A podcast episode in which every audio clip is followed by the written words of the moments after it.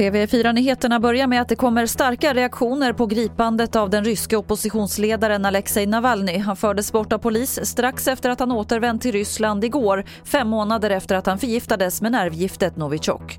President Putins talesman Dmitrij Peskov sa sig inte ha noterat gripandet. Men det gjorde en lång rad europeiska och amerikanska ledare som krävde att Navalny friges.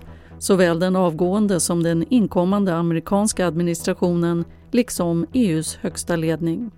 Ryssland håller parlamentsval i år och Alexej Navalny är den oppositionsledare som har störst möjlighet att mobilisera till folkliga protester mot regimen. Reporter här var Lottie Kronestrand.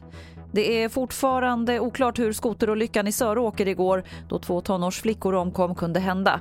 Det var ett tåg och en skoter med släp som krockade vid en obevakad järnvägsövergång. Skotern och släpet är tagna i beslag och en utredning kommer att genomföras. Och till sist kan vi berätta att det åts glass som aldrig förr i Sverige förra året. Till exempel såldes det 14 miljoner glassbåtar och det är en ökning med 40% jämfört med 2019. Och en av förklaringarna till det ökade glassätandet tros vara coronapandemin. Att vi unnar oss något i oroliga tider samtidigt som vi tillbringar mer tid hemma. Det var det senaste från TV4 Nyheterna. Jag heter Lotta Wall.